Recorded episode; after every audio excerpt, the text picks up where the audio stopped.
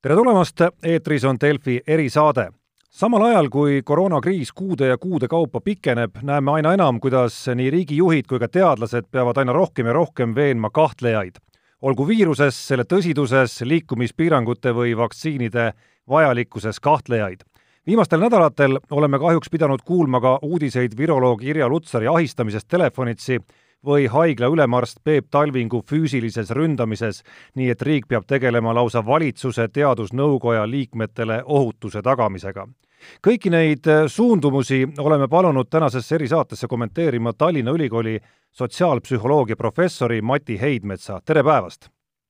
tere päevast! professor Heidmets, ma küsin võib-olla esiteks ja sissejuhatuseks natukene isiklikuma nurga alt, et äh, te olete mitu aastakümmet tegelenud teadusega, õpetanud tudengeid, osalenud lugematutes debattides, aruteludes. kas tajute, et nende aastakümnete jooksul on kuidagi aina rohkem teil teadusinimesena tulnud kokku puutuda, puutuda siis selliste inimestega, kes ütleme, lihtsalt ei usu, mida te räägite?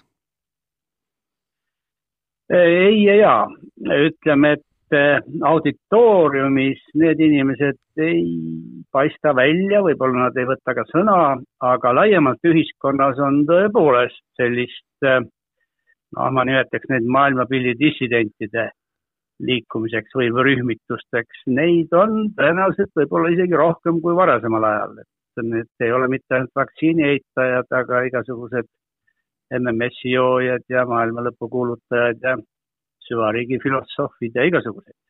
nii et eh, jah, neid inimesi ja neid selliseid rühmitusi on ja nad on vist eh, aja jooksul muutunud ka häälekamaks. kui palju teil isiklikult, eh, noh, kas või loengutes, te küll ütlesite, et, et loengutes pigem mitte, aga, aga kas seal ka selliseid nagu nii, ütleme, tõsist dissidentlust ette tuleb? no eks mõnikord ikka tuleb, mõnikord ikka tuleb, aga no ma arvan, et need inimesed, kes ülikooli audikasse satuvad, nad juba teavad ja tajuvad ka, et ülikool on ikkagi selline koht, kus sellist teaduspõhist ja, ja tõenduspõhist maailmapilti proovitakse seletada ja edasi anda ja, ja no ütleme seal ülikooli ruumides nad ei ole mitte liiga häälekad. aga debatte on kindlasti olnud, jah kuidas te, kuidas te inimesena isiklikult, kui te vahetult satute sellisesse debatti, kuidas te siis käitute või, või, või kuidas te veenate või üritate üldse veenda? Oh, ega ma ei usu, et ähm, kui inimene, no ütleme, sellised äh, maailmapildi dissidendid, äh, see on ju ikka selline usupõhine äh, vaade sellele, mis meie ümber toimub ja, ja ega neid väga kerge veenda ju ei ole ja, ja noh, võib-olla, võib-olla indiviidi tasemel ei olegi põhjust hakata neid siin kuidagi õigesse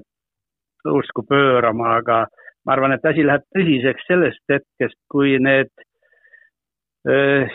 maailma lõppu kuulutajad või lamedama teoreetikud hakkavad oma mõtteviisi peale suruma ja mõnikord ka lausa agressiivselt peale suruma ja, ja siis muidugi ma arvan, asi läheb tõsiseks ja siis on riigi, ühiskonna teema, et sellele ikkagi vastu hakata. Kas need suundumused kui sellised, kui nüüd üldisemaks minna, mitteuskumine ja piirangute vastasus, kui koroonast rääkida, on see miskit, mis, mis selles kriisis, see, et need on aina rohkem ilmnevad ja ilmnevad, kas see on miski, mis teid sotsiaalteadlasena üllatab ka või need on kõik väga loomulikud protsessid? Nad on ühelt poolt loomulikud protsessid, aga teiselt poolt ta kindlasti üllatab selles mõttes, et see, mida, mida me siin aasta jooksul oleme kogenud, see on ju selline ikkagi suhteliselt unikaalne eksperiment. sellist asja, et terve riik ja rahvas pannakse teatud piirangute alla, noh, ma ei mäleta oma pika elu jooksul, et oleks varem olnud nii et, ähm, nii et selles mõttes me ju kõik õpime nii, nii kodanikuna kui ka sellise uurijana ja, ja kõrvaltvaatajana ja, ja ta on ka selles mõttes niisugune huvitav eksperiment, et, et no nagu me ju teame siin Euroopas, erinevad riigid ja rahvad on erineval viisil hakkama saanud. mõnel puhul on, on selline niisugune eh, keelav piits olnud hästi terav ja, ja mõned on nagu pehmemalt proovinud hakkama saada ja ja noh, eks, eks, eks kui, kui kogu see mäng otsa saab, noh siis on ju uurijatel väga palju materjali vaadata ja analüüsida, mis see siis kõik oli ja, ja mis, mis sellest järeldub. no viirus, eks ole, ei saa teisiti mõtlemist olla, teeb kahju omajagu, aga teil teadlasena, ütleme mõnes mõttes niimoodi üle pingutades, justkui nagu on põhjust käsi hõõruda natukene, et uurimisainest tuleb päris kõvasti ühel hetkel? No ma ei tea, kas käsi hõõrida või käsi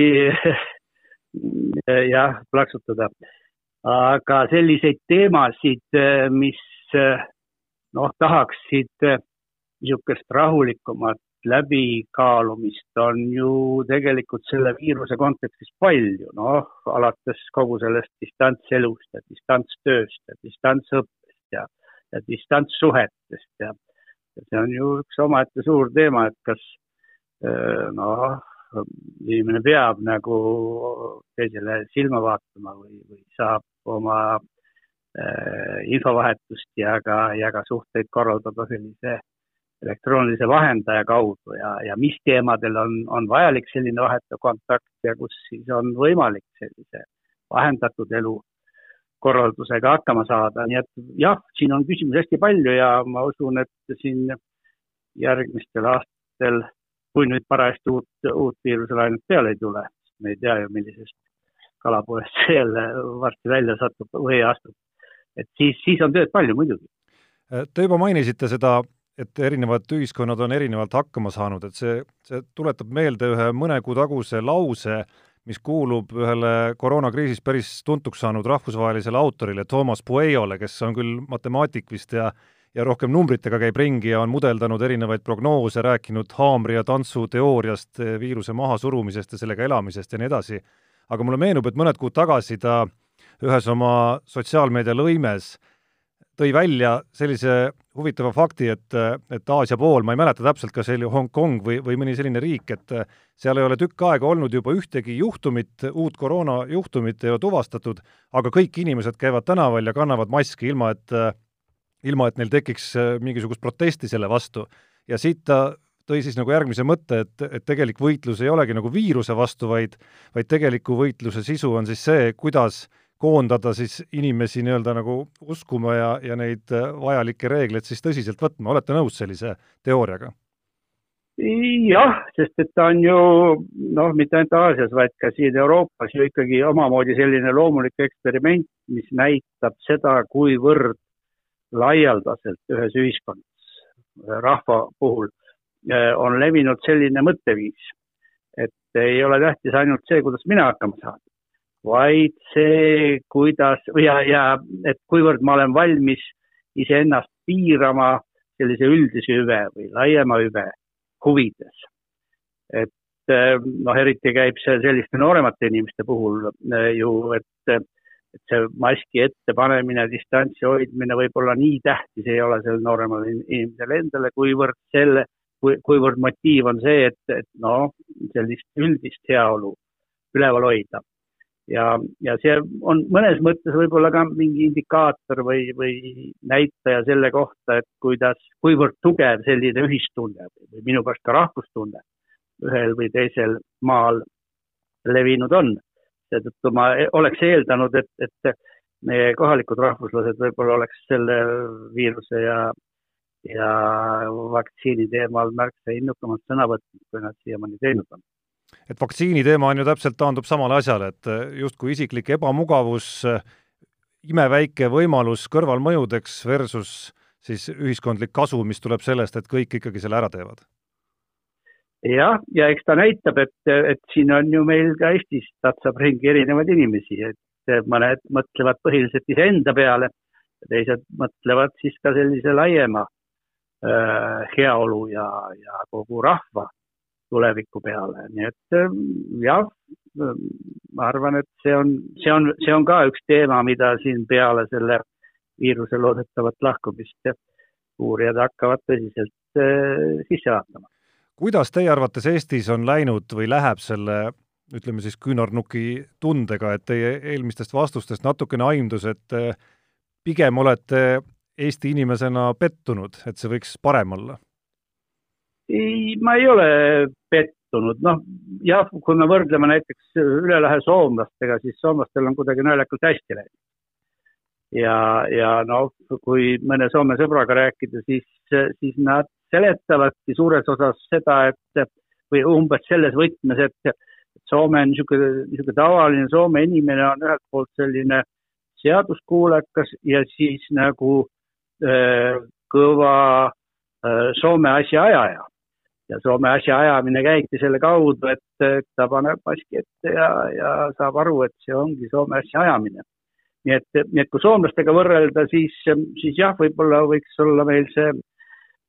nakatumisnäitaja, mis on praegu see viiesaja, soomlastel on seal kuskil, ma ei tea, saja ringis. võiks olla ju oluliselt madalam. aga kui me võrdleme jälle muu Euroopaga, siis noh, seal lõuna pool on see teema olnud ju märksa karmimalt veel üleval, nii et ma nagu suures plaanis oleks Eesti suhtes selline mõõdukalt positiivne kui nüüd tulla selle eitamise teema juurde lähemale, siis Eesti Päevalehe tänane juhtkiri kasutas pealkirja ajendiks siis seesama Peep Talvingu ründamine, et peatame tärkava rumaluse pandeemia, et kas see, kas see väljend rumaluse pandeemia on üldse korrektne või, või õige, mida, mida selle puhul kasutada? noh, eks, eks ühte asja võib ju väga erineval viisil eh, nimetada ja ma ei arva, et need vaktsiini eitajad nüüd on noh, oluliselt rumalamad kui näiteks need, kes siin mõnda aega tagasi väga innukalt äh, äh, selgitasid kõigile, et tuleb lahjendatud torusiili juua, et siis, siis nagu kõik haigused nagu lahkuvad. et jah, selles mõttes küll, et see meie praegune elu on ju üles ehitatud sellise teaduse ja, ja teadmistepõhise ja tõenduspõhise arusaama kohaselt. tänu ja, ja tänu sellele arusaamale ju noh, autod sõidavad ja lennukid lendavad ja, ja kui hammas kukub ära, siis pannakse uus hammas ja nii et, nii et selles mõttes on tõesti selline no natuke sellise noh, rumaluse või, või, või, või ebaadekvaatsusega tegemist, aga tänases sellises viiruse olukorras ma arvan, et noh, muidu võiks ju selle peale natukene ka niimoodi noh, irooniliselt või, skeptiliselt vaadata, et no usu, usub seda lamedat maad ja süvariiki, no mis sa teed. aga tänases seisus seoses vaktsineerimise ja, ja viirusega, noh, see võtab ju ka sellise niisuguse noh, märksa kriitilisema äh, olukorra äh, pilgu ette, et, et noh, sa võid ju küll ajada rumalat juttu, aga kui selle tulemus on see, et me kõik siin oma selliseid üldrahvalikke piiranguid peame veel ja veel ja veel ja veel pikendama, et noh, siis, siis tuleks, ma arvan, et sellistele asjadele ikkagi selgelt ei öelda ja neile ka vastu hakata. mida siis teha või, või kuidas seda peatada või, või, või, või kuidas vastu hakata? noh, mina nagu lähtuks sellest loogikast, et äh, vabal maal iga inimene iseendaga teeb, mida tahab. noh, süstib seda vaktsiini, ei süsti, joob torusiili, ei joo. aga nii kui, nii kui ta hakkab oma neid äh, arusaamu levitama ja ka näiteks jõuga peale suruma, või ka agressiivselt lausa peale suruma, nagu selle vaktsiini vastaste puhul ju on, et need rünnakud on ikkagi selline agressiivne käitumine. et siis, siis on, ma arvan, see koht, kus nagu riigil on asja survestada ja kätt ette panna ja, ja selgelt öelda, et sellist, sellist asja nagu ei, ei saa Eestis juhtuda. mina olen näiteks seda meelt, et teatud töökohtadel tööd töötamine, töötamise eelduseks praeguses olukorras peaks olema töötajate vaktsineerimine. me ei saa öelda, et igaüks peab ennast vaktsineerima, aga kui sa tahad töötada, noh, sellises, äh, sellisel positsioonil, kus sa oled sunnitud igapäevaselt väga paljude inimestega suhtlema ja ja kus on oht, et tõepoolest see viirus võib nagu levida, et siis see võiks olla, ma arvan, teatud töökohtade puhul lausa tingimus skeptik olemine ja, ja eitamine ja, ja teaduses kahtlemine või selle lausa eitamine, argumentide eitamine, see ei ole ju tegelikult mingi uus nähtus, mis on koroonaviirusega tekkinud, et et laiemalt, kuidas, kuidas seda defineerida või kus, kus sellise, sellise nähtuse juured peituvad? no eks, eks nad peituvad ikkagi inimese psühholoogias. et ta ühelt poolt on äh, näide sellest, et äh, on palju inimesi, kes sellise järjest süveneva igapäevaelu keerukuse ja määramatusega nagu päris hästi hakkama ei saa. ja, ja siis, siis selleks, et äh, see maailm endale kuidagi lihtsamaks teha ja ära seletada, noh, siis võetakse sellised lihtsad mustvalged skeemid omaks ja see on, see on viis, kuidas inimene oma sellist sisemist ebamäärasust ja pinget nagu ka maandab. kui ma seletan endale ära, et noh, kõik see, et, et mul siin nagu tööd ei ole ja, ja elu kuidagi kehvasti on läinud, et selle, selle taga on mingisugune pankurite vandenõu või, või, või süvariik, mida looduses keegi ei ole näinud, aga, aga, aga paljud usuvad et, et kui selliseid lihtsaid seletusi endale ja ka äh, mingisugusele seltskonna raames välja pakkuda, siis see teeb elu lihtsamaks ja paljude inimeste jaoks on see ka sellist pinget ja ebamäärasust maha võttev asi. ja teiselt poolt, kui me vaatame neid igasuguseid rühmitusi, kes siin, ega need MMS-id ja, ja maailma lõpu kuulutajad, nad ei ole sellised üksik, üksikud hundid, nad on tavaliselt sellised niisugused seltskonnapõhised või, rühmapõhised mõtteviisid, mida siis kin-, kindel seltskond, kindel rühm nagu kultiveerib, siis äh, psühholoogia vaatepunktist see on ka üks viis, kus üks inimene, kes võib-olla ei ole leidnud hästi noh, tunnustust ja, ja kuulumistunnet, et ta, ta saab aru, et ta on mingi tähtsa seltskonna osa ja seal teda silitakse ja paitatakse ja öeldatakse, öeldakse, et ta on ikka tubli tegija. Seal ta leiab omale sellist niisugust isiksusena kinnitust. kui need kaks asja kokku panna, siis võib arvata, et seal need psühholoogilised juured peituvad, miks sellised äh, noh, natuke naljakalt kõrvalt vaadates äh, mõtteviisid levivad ja, ja noh, täna, tänases maailmas annab sellele ju kogu see niisugune lõputu digikeskkond võimet juurde, sest et on võimalik ju sama, samalaadseid või samamoodi mõtlevaid inimesi üle maailma üles leida ja nendega siis äh, vastastikku üksteisele õlale patsutada ja öelda, et oi, me oleme tublid tegijad. kas neid on võimalik ümber ka veenda kuidagi, et kui inimene ikka usub, et koroonaviirust tegelikult ei ole olemas, et see on väljamõeldis, et et kas teda on võimalik ümber veenda?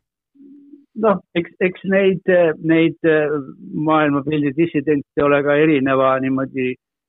sügavuse ja veendumuse astmega ja kindlasti osa on võimalik veenda sellise ratsionaalse äh, arutluse või mingite andmete esitamisega, aga kuna enamik seda tüüpi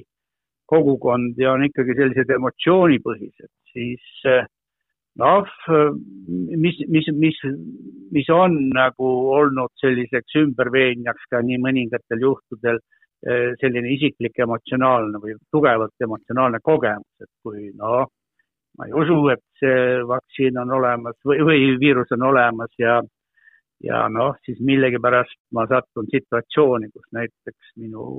keegi lähedane või, või pereliige on äh, Äh, hingamisaparaadi all, noh, siis, siis selline kogemus võib ju, võib ka veenda, aga, aga üldiselt on need sellised rühmitused, need ei ole tõesti uued. Need on sellised ajas püsivad ja üksteist nagu äh, kuidagi toetavad ja ka selles mõttes seda mõtteviisi taastootvad. et äh, ma ei, ma ei usu, et siin mingisugust väga kiiret ja karmi puhastustööd kuidagi teha saaks. no lihtne näide eilsest, kui tuli uudis Peep Talvingu ründamisest, siis oli sotsiaalmeedias üks lõim, seda on jagatud ka, kus siis inimesed reageerisid, pigem siis just nimelt selliste inimeste hulgast, kellest me siin saates oleme rääkinud palju ja, ja esimesed ja põhilised reaktsioonid olid siis need, et A, see kõik oli üks lavastus, selleks et panna lihtsalt äh, nii-öelda õigustada kuidagimoodi järgmisi piiranguid või siis B, et lihtsalt õhutatakse viha, et et, et see tundub nagu lootusetu debatt. jah, ütleme, et ta on lootusetu debatt praeguses kiires ajahetkes, kuna vaktsineerimisega ei saa, see on kasvat-, vaktsineerimisalane kasvatustöö võtab siin ju aastaid või, või ma ei tea, põlvkond ja võib-olla aega ja kuna praegu on ikka kiire olukord, et siis, siis lootus panna selle peale, et nagu toimub mingi kiire ümberkasvamine, no vaevalt. Äh, mida kindlasti tasuks, milles suunas tasuks pingutada, on see, et see seltskond, kes noh, on veendunud, et see on kõik mingi ma ei tea, kelle niisugune paha, paha kavatsus ja, ja tegelikult elus midagi sellist ei vaktsiin, ei viirust ega, ega haigust ei ole. et ähm, nendega peaks saama kuidagi kaubale selles mõttes, et nad üksteisele omavahel seda kõik seletavad ja, ja et see sõnum ei läheks mitte no niimoodi väga tugevalt välja ja, ja kindlasti, et see ei võtaks selliseid noh, ründavaid või, või agressiivse käitumise Äh, vorme, mis noh, lõppkokkuvõttes ju kogu meie inimestele ja seltskonnale on kahjulik. no tahaks uskuda, et sellise äärmusliku segmendi osas päris ründajatest me räägime ikkagi väga väikesest hulgast inimestest, aga aga kolmandik vist väidetavalt on öelnud isegi, et äh, nad ei ole nõus vaktsiini saamisega või nad ei ole veel otsustanud, kas nad on sellega nõus ühel hetkel või ei ole, et on seda palju või vähe no.? ma arvan, et see kolmandik kindlasti ei kuulu või neid, neid ei saa nagu selliseks veendunud vaktsineerimisvastasteks või, või, või mingisugusteks dissidentideks pidada. seal on kindlasti palju inimesi, kes lihtsalt noh, ma ei tea, kõhklevad. Neil on võib-olla mingisuguseid kogemusi, keegi on kuidagi rääkinud selle vaktsineerimise kohta.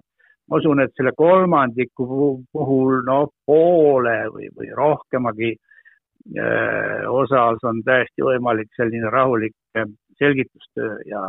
ja eriti kui nad näevad, et no ma ei tea, mõned kolleegid või, või mõned tuttavad või, või mõned pereliikmed on vaktsineeritud ja nendega ei olegi midagi hullu juhtunud. Vastupidi, nad võivad nüüd rahumeelselt natuke ringi käia ja neid lastakse isegi lennuki peale. et, et see kolmandik kindlasti väheneb, aga ta ei vähene kindlasti noh, päris nullini, et seal mingisugune osa, raske öelda, kui suur, aga mingi osa inimestest on tõesti noh, selliste omamoodi veendumustega ja, ja praeguses konkreetses hetkes ma arvan, et äh, neid lihtsalt peaks nagu nii palju hoidma omaette kui võimalik. Te kasutasite väljendit äh, rahulik selgitustöö, et kui nüüd üks teine siin saates kõlanud väljend äh, rumaluse pandeemia siia kõrvale tuua, siis kui nüüd rääkida sellisest noh, debatist, ütleme, inimene inimese vahel, siis, siis see rumala silt seal ilmselt on üsna hea garantii, et mingit teineteise mõistmist ei teki? ei teki, muidugi ei teki ja, ja noh, ega siin muud lahendit ei ole, kui ma, ma natuke olen nagu skeptiline selles mõttes, et, et mingisugune suurem ma ei tea, kasvatuskampaania või, või selgituskampaania siin nüüd no kindlasti tuleb inimestele seletada, sest me, me, me nagu